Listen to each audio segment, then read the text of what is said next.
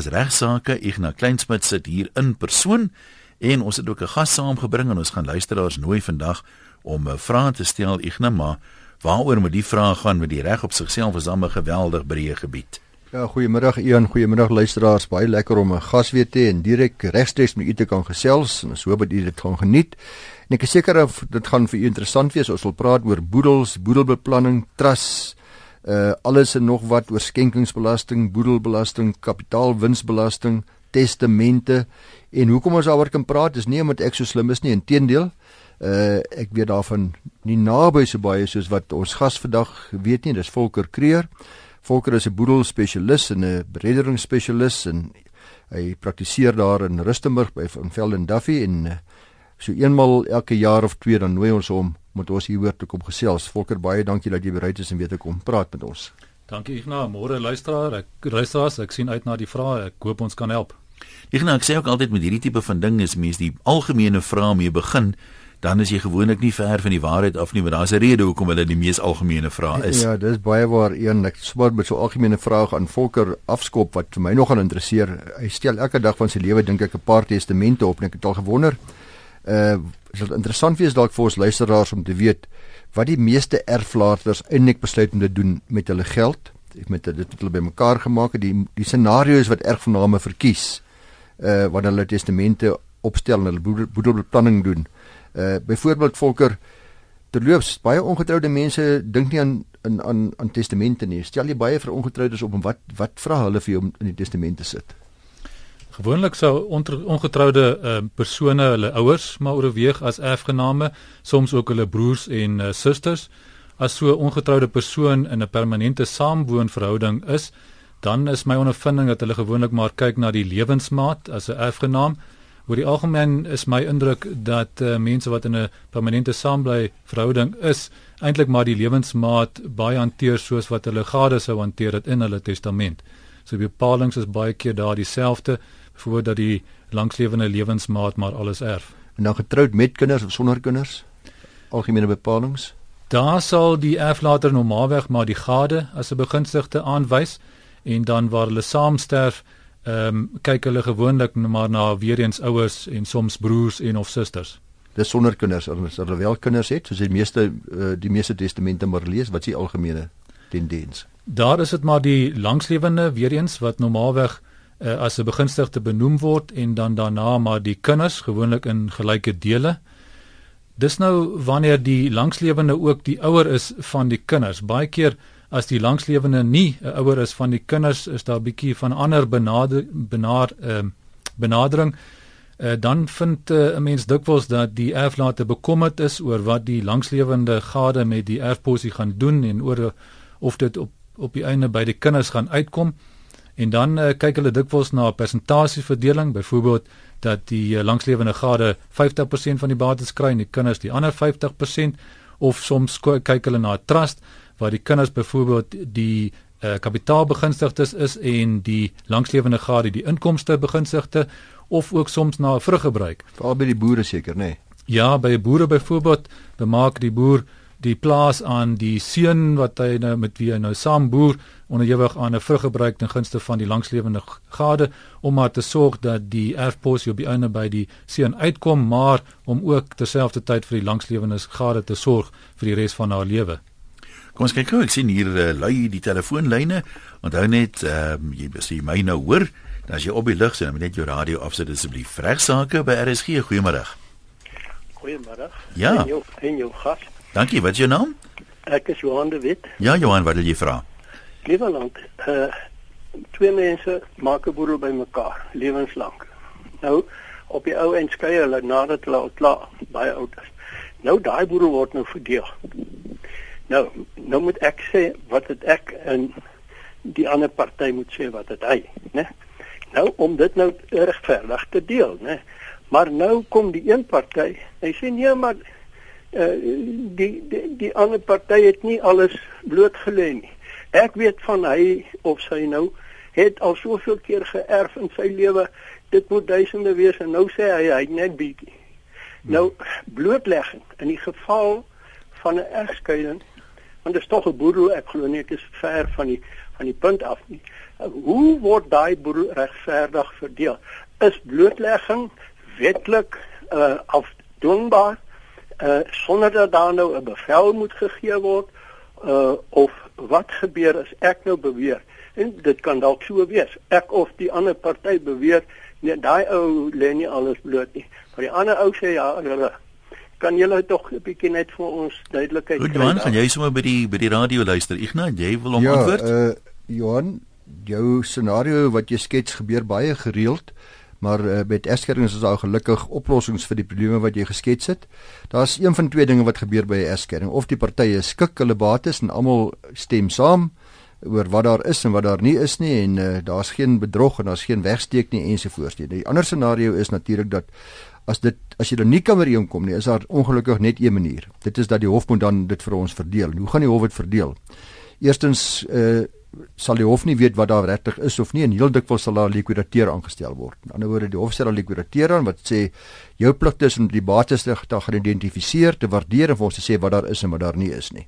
En dis 'n maklike manier. Dikwels sal die ouditeur ook of die partye voor die tyd toestem dat daar 'n forensiese ouditeur aangestel word. Veral waar mense besighede het, is hulle geneig om bietjie uh te jok oor die waarde van die besigheid en uh jy kry dikwels dat een van die partye het 'n baie welvarende besigheid en die ander party weet glad nie wat daar aangaan nie. En dan word daar nou gekyk. Ek sê baie dikwels se mense om te kyk na of my die balansstate te gee is sinneloos. Want hy balansstate is dikwels al wat waardes betref so afgeskryf en is er lankal nie meer die korrekte uh, markwaardes nie. En daar's dikwels ook 'n uh, kontant wat deurgevloei het ensovoorts ensovoorts. So prokureurs glo nie alles wat die teenparty sê nie. en dan word daar ongelukkig teen baie baie hoë koste forensiese ouditeure aangestel. Uh en daarom moet dit maar hierdie geskille moet die moeite werd wees. 'n Forensiese ouditeur is nou amper soos 'n speurder wat nou die spoor vat en kyk wat se bates kom hy op af wat miskien nie verklaar is. Korrek. Hy gaan byvoorbeeld kyk hoeveel dat ek 'n simpel voorbeeld gee. Jy verkoop argumentsdalwe penne. Maar jy sê jy het hierdie jaar net 1000 verkoop. Ek gaan die forensiese ouditeur by al jou verskaffers kyk hoeveel jy bestel het argumente dan. Ja, jy sê maar ja. jy het net 1000 verkoop met 10000 bestel. Waar is die ander 9000 meneer? Of ag dis nou 'n simpel voorbeeld, maar dis ja. wat hulle doen, maar dis 'n dis 'n wetenskap wat baie aan die groei is, luisteraars. Uh, dit ontwikkel baie vinnig. Daar's die groot super uh, auditeursmaatskappye het elkeen 'n hele klomp forensiese auditeure. Hulle het ook elkeen 'n hele klomp mense met regsgrade wat saam met die forensiese auditeure werk om probleme soos hierdie aan te spreek. So die luisteraar is reg, maar daar is makliker probleme. Die blootlegging soos hy sê is dikwels gebrekkig, maar dit word dan uh, jy kan ook dan as jy weet van bates kan jy ook met die oog op verhoor vrae vra aan die teenparty en sê ek wil daai dokumente hê, daai dokumente, ek wil jou laaste 6 jaar se balansstaat hê, ek wil daardie finansiële staat hê, ek wil al jou regspersoonlikhede, al jou trust dokumentasie hê. So daar's maniere, dit kos ongelukkig geld. Kom ons wil dit sê nog 'n luisteraar regsaak op RSG. Baie goeiemôre Jan. Ja, wat is jou naam? Uh, ek wil graag anoniem anoniem bly as dit moontlik is. Goed, wat is jou vraag? Uh, ek weet nie of dit betrekking het op vanoggend se program nie, maar ek het so 2 jaar terug het ek 'n voertuig gekoop by 'n dame wie se man oorlede is so 6 jaar gelede. En tot op datum kan ek nie die papiere by haar kry nie. Ek het agterna uitgevind dat sy het nooit die boedel aangemeld nie. Wat staan my te doen op op op op daai in daai situasie? Nou goed, luister weer radio Volker, wil jy hom antwoord? Wel, hy het uit die aard van die saak 'n kontrak met die dame aangegaan wat hy sal kan afdwing. Uh die ooreenkoms was eintlik dan met haar uh beding en uh sy dan 'n kontraktuele plig om te sorg dat die voertuig behoorlik uh, in sy besit geplaas word en al die lisensies oorgedra word en so meer. So hy kan daardie ooreenkoms afdwing deur hof toe te gaan uh, of om ook die ooreenkoms te kanselleer. Dalk besluit hy om maar liewer 'n ander kar te soek uh, waarmee hy nie daardie probleme het nie. So in so 'n geval kan hy haar aanmaan en 'n terugtredingsreg beding uit die kontrak en hom dan kanselleer en dan maar liewer 'n uh, ander voertuig sit. Gryp jy hoor Volker, ek dink die probleem hier is jy is 100% reg. Die probleem is dat die voertuig nog in die boedel se naam geregistreer is, lê ek af. Anderswoorde die man is 6 jaar terug oorlede, die boedel is nooit oopgemaak nie. Uh is daar 'n manier om 'n boedel weer te heropen? Want uh hoe gaan hy die voertuig in sy naam kry? Die, Ja, hy gaan hom net in sy naam kan registreer as die boedel behoorlik aangemeld word en die regte proses gevolg word nadat die eksekuteur aangestel is. Maar om daardie roete te volg en dit te probeer te bewerkstellig, gaan 'n baie lang en 'n duur storie wees. Ja, dis moontlik. Ja. Maar ek uh, sou hierdie luisteraar eerder aanbeveel om liewers net daar aan te spreek met wie ja, hy die kontrak ja, aangestel ja, ja. gaan dit nie nog uh, te sukkel met die boedel nie. Dis 'n interessante vraag. Ehm um, daar's baie sulke hofsaake of nie baie nie, maar jy gereeld hoor mense daarvan. Kort en bondig vra iemand hier per uh, eh, SMS. Indien 'n kind sy ouers vermoor, mag hy mos nou nie erf van die ouers nie. Volgens die ou reël, die bloedige hand erf nie. Maar sê nou die oupa erf dan die betrokke eiendom. Mag die oupa die eiendom aan die seun bemaak of skenk of verkoop? Dis dan nou word die oupa die ja, die kind verstaan. erf nie, maar kom ons sê dan nou die vermoorde is die oupa se seun. En die oupa erf dan nou in plaas van die kind uh, of erf ook van die van kan die oupa daai seun wat die moordenaar is, die eiendom aan hom bemaak of skenk of verkoop vra anoniem. Dis 'n interessante vraag wat ek eerlikwaar nog nooit voorheen oorweeg het nie. Ek dink uh, daai beginsel sou nie so ver strek nie. Die die uitgangspunt is dat jy nie deur jou eie misdaad bevoordeel mag word nie en as daar nou later 'n uh, oupa is wat uh, dit aan jou bemaak uh, waar jy nog glad nie betrokke was by enige moorde of wat ook al dan dink ek sou jy wel kan erf. Ek weet nie ja, wat Ja, daar's een ek, ek sê 100% met Volker saam. Daar's twee probleme natuurlik in die by die vererwing geen probleem nie. By die skenking gaan die oupa skenkingsbelasting betaal. So hy gaan as hy die daar vir die vir die persoon net wil skenk wat dan in die moord gepleeg het gaan hy skenkingsbelasting betaal wat nou sy probleem is wat 20% is as ek reg is Volker Dis 20%, maar daar's daarom 'n jaarlikse vrystelling van 100 000 rand. So ja. as die skenking na die ja. 100 000 te bowe gaan, dan is dat 20% daarop betaalbaar. En as hy verkoop natuurlik is dit 'n gewone verkooptransaksie. As mens verkoop met die wie ook nog gekoop het, ja, daar's tog 'n teenprestasie dan. 'n Teenprestasie wees ja. Nog 'n uh, vraag oor die erfreg. As 'n erfgenaam uh sy pa by wie hy nou erf 'n groot som geld skuld. Hy het geld geleen by pa en daar is wel 'n skulderkenning geteken, kan dit van sy erfporsie afgetrek word. Antwoord is ja. As uitgangspunt uh moet alle eise wat die oorledene gehad het teen enige persoon insluitende 'n erfgenaam inbetaal word in die boedel. So as uh, daardie uh, persoon wat die geld skuld, byvoorbeeld 'n kind ook erf, dan word dit uh, afgetrek van sy erfporsie. Dikwels gaan 'n testament egter ook bepaal dat alle skulde uh, afgeskryf moet word. Met ander woorde dat die uh, kinders byvoorbeeld wat lenings nog gehad het by die oorledene dit nie hoef terug te betaal nie. Maar as 'n testament nie so 'n uh, bepaling het nie dan moet dit inderdaad afgetrek word. Ons ken net weer die nommer 0891104553 ons hanteer vandag vrae spesifiek oor boedels uh, testamente en verwante aangeleenthede Kom ons hoor wie's op lyn 1 uh, regsaake middag Hallo middag 1 uh, Wim hierso Ja Wim Ehm um, vir jou geleerde meneer meneer daarso. Uh, uh familielid het self self dood gepleeg sonder 'n uh, testament. Nou was die probleem, hulle sukkel nou om uh, om 'n eksekuteur aan te stel. Hoe lank kan dit gebeur? Wat vra jy hoe lank kan dit duur voor 'n eksekuteur aangestel moet word? Voor voor daar 'n eksekuteur aangestel kan word. Is daar 'n tydperk aan verbonde? Wat wat sou jy sê Volker? Ja, in so 'n geval as daar nie 'n testament is nie, moet die beginsigtes 'n uh, uh, eksekuteur benoem. Daardie benoemings word dan na die meester se kantore gestuur en hy sal dan normaalweg die persoon wat benoem is deur beginsigtes aanwys as 'n eksekuteur. Hoe lank dit vat hang nou maar af hoe vinnig 'n mens dadelik daai administratiewe werk in plek kry om die benoemings van al die beginsigtes te bekom en dan die eksteursbrief by die meester uitgereik te kry. Ongelukkig is daar sommige meesterskantore in die land uh, waar dit so 'n bietjie lank vat. Uh, my ondervinding is dat dit een is dat dit enigiets tussen 'n paar weke tot 'n paar maande kan vat om 'n eksteesbrief te kry. Volker miskien net interessantheidshalwe as ons praat van begunstigdes sonder 'n testament, praat ons van intestate erfreg. Miskien net 'n aanduiding gee van hoe dit werk.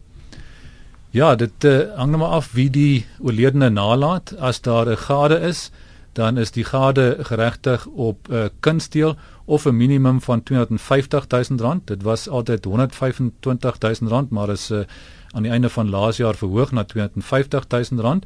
So mense sal dan kyk na die syfers en uh, bepaal of die 250 000 meer of minder is as 'n kunstdeel. Kunstdeel beteken dat die langslewende gade dan saam met al die kinders in gelyke dele erf. So die kinders gaan dan die ander beginsigtes uh, van die boedel wees. As daar geen kinders is nie, en ook geen langlewende gade, dan gaan dit nou maar weer ouers toe. As een van die ouers voorlede is, dan gaan daardie 50% van daardie voorlede ouer na die broers en susters, met ander woorde afstammelinge van die voorlede ouer en so gaan dit nou maar aan. So hang af van wie die uh, familielede is wat die oorledene nalaat. Dan Tronel hier 'n vraag oor uh, die ondertekening van 'n testament. Sy praat van 'n reël dat die begunstigde, dis nou 'n gevolge 'n testament of sy gade nie as getuies mag teken op die testament nie. En sy sê die meester beskou in so 'n geval dat die gestorwene intestaat gesterf het want die, eh, die afleiding wat ek maak is dan die testament nie geldig is. Kan jy vir ons 'n bietjie meer daaroor uh, uh, vertel een van julle die persone wat as getuies teken by 'n testament mag hulle enigstens erf in gevolge die testament? Ja, ek dink die testament is nog steeds geldig en afdwingbaar. Die beginsel is maar net dat daardie beginsigte wat as getuie geteken het, nie mag erf nie. So hy of sy word dadelik gediskwalifiseer. En as ook die persoon wat die jy sit nou daar met jou op die plaas en jy vra vir jou dogter om gou die testament vir pa uit te skryf. Ja, wat doen dan volker? Die beginsel is dieselfde.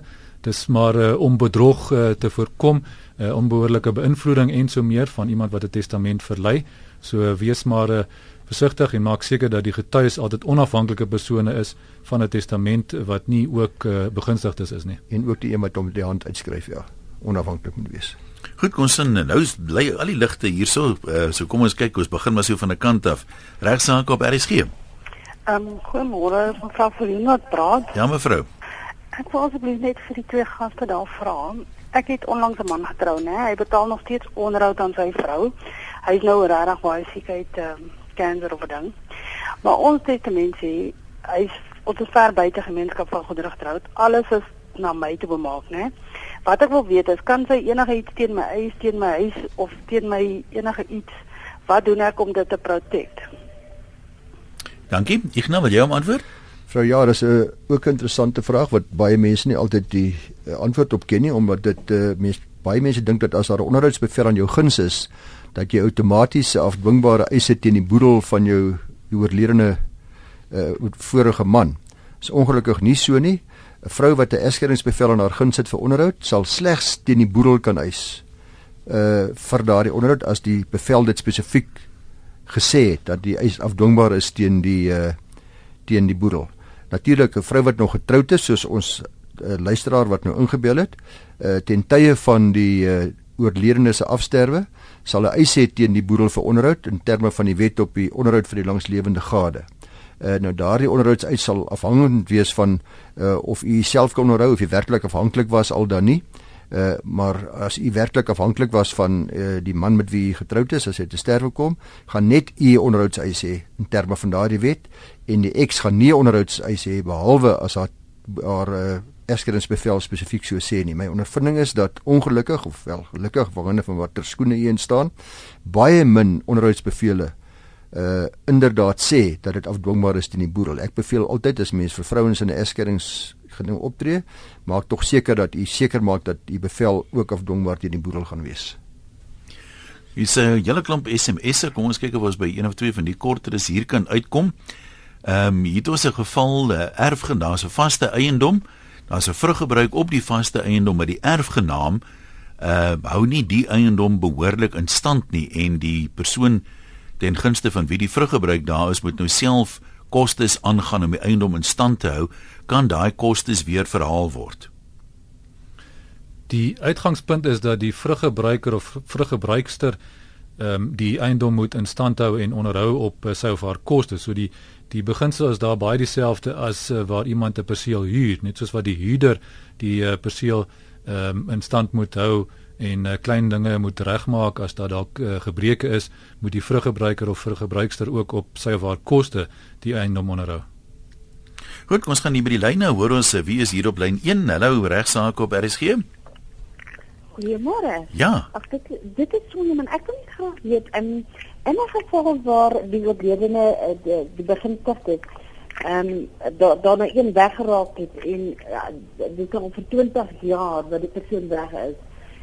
Maar jy moet ehm die die die ehm um, ons het hom nooit aangemeld as ehm um, dood of enigiets nie. Nou ehm um, nou dat die boedel moet uitbetaal, nou is daar 'n probleem met met die beginstigte met die een beginstigte. Ek wil weet hoe word hoe word dit nou uitgesorteer? Wat moet ons in hierdie saak doen? As jy die persoon het vermis geraak, wonder watter omstandighede is dit? Jy sê die persoon is weg. Ja. Kyk, dit is my broer. Maar wat het, het hy net weggeraak of wat? Wat is die omstandighede ja. van die verdwyning? Okay. Maar dit kan sekerlik 'n rol speel. Ja, kyk hy uit uit uit uit die uit uit die uh, army uitgekom en hy's net weg. Hy's nie weggeraak het. Nooit in kontak met ons gekom nie. Ons het in 1989 het ons hom gehad op hierdie uh, ons het hom aan die beeld gehad ons het hom gehad op hierdie um crime uh, die destydse ek het jy het hom probeer opspoor by wyse van die koerante en so aan. Ja maar in on, in die argiewe van die koerante kry hulle so van daai tyd is dit ja. dit is nooit opgetel of enige ietsie nie. Nou wil ons graag weet wat wat doen ons in, in so 'n saak Ja, dis nou dit is half twee komponente en een kant vermoed daar's nou vermoede van dood, maar ek meen dit klink nie van daar's jy's omstandighede wat dit versterk noodwendig nie en as daar nou 'n 'n erfgenaam nie opgespoor kan word nie, wat wat is die situasie daarmee? Hierdie is nou weer en Volker moet aanvul, maar hierdie is nou weer een van daai gevalle wat mense so gereeld kry dat mense nie die boedel aanmeld nie. So praat al van 20 jaar gelede. Die boedel nog steeds nie aangemeld nie. Dit word 'n nagmerrie om terug te gaan in die geskiedenis in. Ja. Om te gaan bepaal wat 20 jaar terug die bates was en wat daai tyd die situasie was. So wat gebeur is nou boer hulle byvoorbeeld gaan aan die plaas. Niemand sê pa's dood nie of ma's dood nie en hulle gaan aan. 20 jaar later gebeur die probleem nou maar. Daar's 'n vermoede van dood na 'n sekere tydperk van afwesigheid. Kan jy onthou wat die tydperk is volker? Ek sê ek was nie seker wat die tydperk is nie, maar ja, as 'n mens hof nader dan dink ek sal 'n mens bevel kan kry. So wat hulle moet doen hier is hulle moet die boedel heropen, hulle moet die boedel aanmeld, moet hom open wat nou natuurlik baie moeilik gewees is of van tydsverloop en dan moet hulle uh die die, die hof oortuig daarvan dat hierdie spesifieke spesifieke erfgenaam uh as dood verklaar moet word. Sodra hy dood verklaar word, sal die boedel dan vererf na die oorblywende erfgename toe, maar dikwels sal natuurlik daardie oorlede broer as hy nou kinders gehad het, sal die kinders dan in sy plek kom afhangende van die bewoording van die testament. Hmm. Uh maar in meerderheid gevalle sal jou sal jy sal dit erf per stirpus. Met ander woorde jou afstammelinge sal dit erf wat jou sou toekom. Hierso is is 'n vraag oor beredderingskoste van boedels. Ehm um, die boedel was 10 miljoen, die prokureur het 250 000 rand gekry vir die beredderingskoste en Jaco sê hy dink dis buitensporig. Wat is die riglyne daaroor? Die voorgeskrewe tarief is 3,5% eh, van die bruto waarde van die boedel. Ehm uh, maar as iemand anders as eksekuteur benoem is, dan kan hy natuurlik ehm um, onderhandel oor die uh, koste wat gevra gaan word, die wie ook al op die einde die boedel beredder. So in daai opsig kan 'n mens wel uh, onderhandel oor die eksekuteursvergoeding, maar die uh, voorgeskrewe tarief is die 3,5%. Wat dan 350 000 rand eintlik sou wees 100 000 meer in die geval van ja, 10 miljoen. Ja, so ek neem aan uh, die prokureur in daai geval 'n dataafslag toegestaan op die uh, voorskrewe tarief. Maar die die beste sou wees om al vooraf uh, te onderhandel, dis makliker as om agterna te stry sou ek sê. Ja, is 100 keer beter. Ons beveel baie keer by mense aan om maar vooraf te kyk na wat die bates is en te te gaan sê dat hoorie ek sal ek sê eksekuteer, maar ek wil jou gebruik en ek ek sal hierdie werk doen, jy sal daai werk doen. Nou party boedels is baie ingewikkeld, party het net een groot bate wat verkoop moet word en dit sal allerlei omstandighede sal 'n rol speel om te bepaal wat ja. billik is of nie. Kom ons neem nog een oproep, eh, regsaake, middag sê. Goeiemôre. Ja. Uh, ek wil weet, my dogter bly in my huis. Sy is geskei later, uh, weet 'n paar jaar gelede en en die hof het beveel dat dat dan um, haar gewese eggenoot 'n uh, sekere bedrag aan my moet betaal tot die dag van my dood. Nou hy betaal net 'n gedeelte daarvan. Nou die die die skuld is nou al 'n hele hele klompie duisende. Nou wil ek weet as ek nou te sterwe kom, word daai wat agterstallig is, word dit afgeskryf of moet hy dit aan haar uitbetaal? Ja, is jy by? Ja. Daardie uh, eis wat sy teen uh, die persoon het, sal 'n eis ten gunste van haar boedel wees. So as hy te sterwe kom, kan daai eis nog steeds afgedwing word mens moet natuurlik versigtig moet wees om seker te maak dat die eis nie verjaar nie. So sy moet dalk maar so gou as moontlik 'n uh, prokureur gaan sien om seker te maak dat dit nie relevant raak nie. Maar uh, die feit dat sy te sterwe kom verander nie die afdwingbaarheid van die eis nie. In beginsel kan dit nog steeds uh, geëis word van die skuldenaar. Dan is hier 'n vraag oor uh, ou mense wat testamente teken, daar's beweringe van demensie. Ehm uh, dit het nou in 'n aftreeoord gebeur. Nou vra Engela, is daar maatreëls in plek om te verhoed dat die kinders 'n testament kan opstel en hulle vader wat aan demensie ly dit kan laat teken?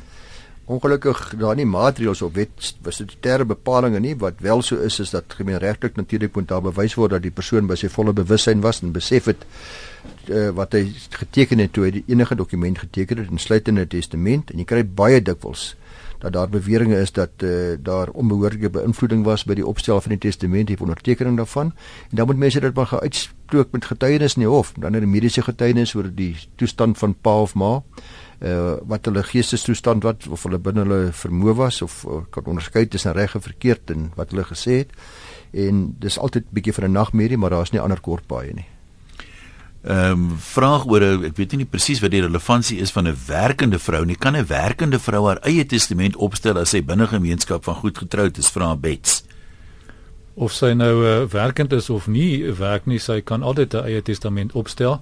Daar's geen voorskrif in ons reg dat mense wat getroud is binne of buite gemeenskap vir goedere gesamentlike testamente moet opstel. Dis baie keer praktischer om dit wel in 'n gesamentlike testament uiteen te sit dan die een netjiese dokument wat presies bepaal wat gebeur as die man eers te sterwe kom, wat gebeur as die vrou eers te sterwe kom, wat gebeur as hulle saam te sterwe kom, maar jy hoef dit nie so te doen nie. Enige persoon kan te enige tyd self 'n uh, 'n uh, enkel testament verlei. En dan 'n laaste vraag, die tyd het ons al weer ingehaal oor die aanmelding van boedels. Hier's 'n vraag oor uh, pensionaars wat te sterwe kom. Ehm um, net die maandelikse pensioen, baie min meubels is lyk like my al al bates.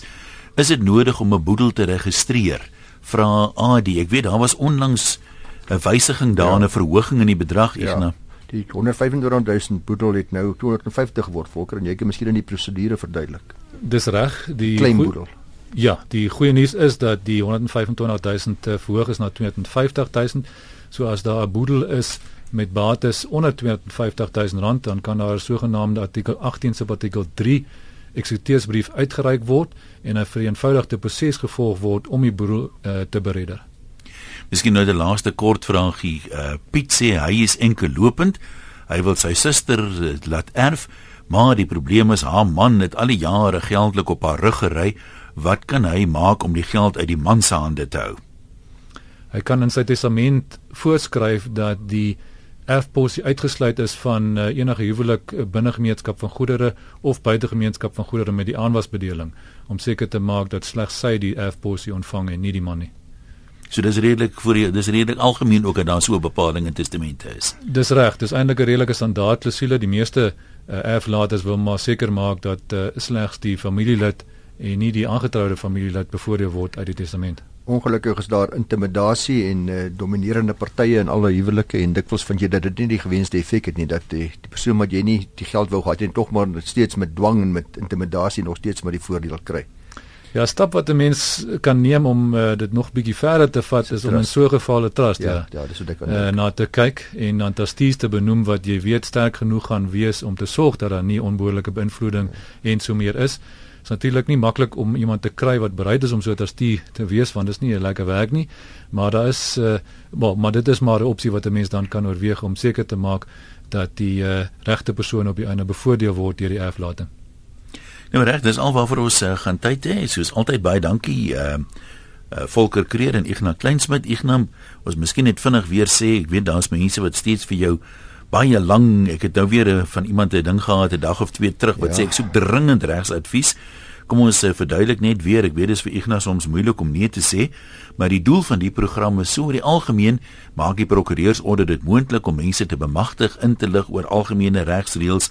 So dikwels gebruik ons jou geval om oor die algemeen te praat oor sê net maar die reëls betrokke by die bereddering van boedels of wat ook al.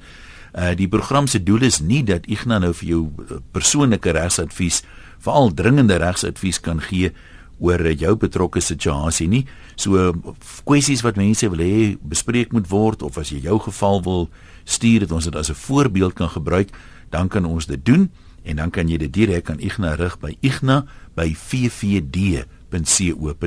Igna spel jy I G N A by ffd.co.za. En uh, baie dankie ook sommer terselfdertyd in die prokureursorde van Suid-Afrika wat hierdie program nou al jare lank moontlik maak. Groetens albei van julle, hopelik ek en ek en jy praat gou weer volker, hopelik sluit jy. Ja. Dink ons het 'n beplanning vir jou om aan te sluit by van die programme in die nabye toekoms. Ja, dit is so groet aan almal.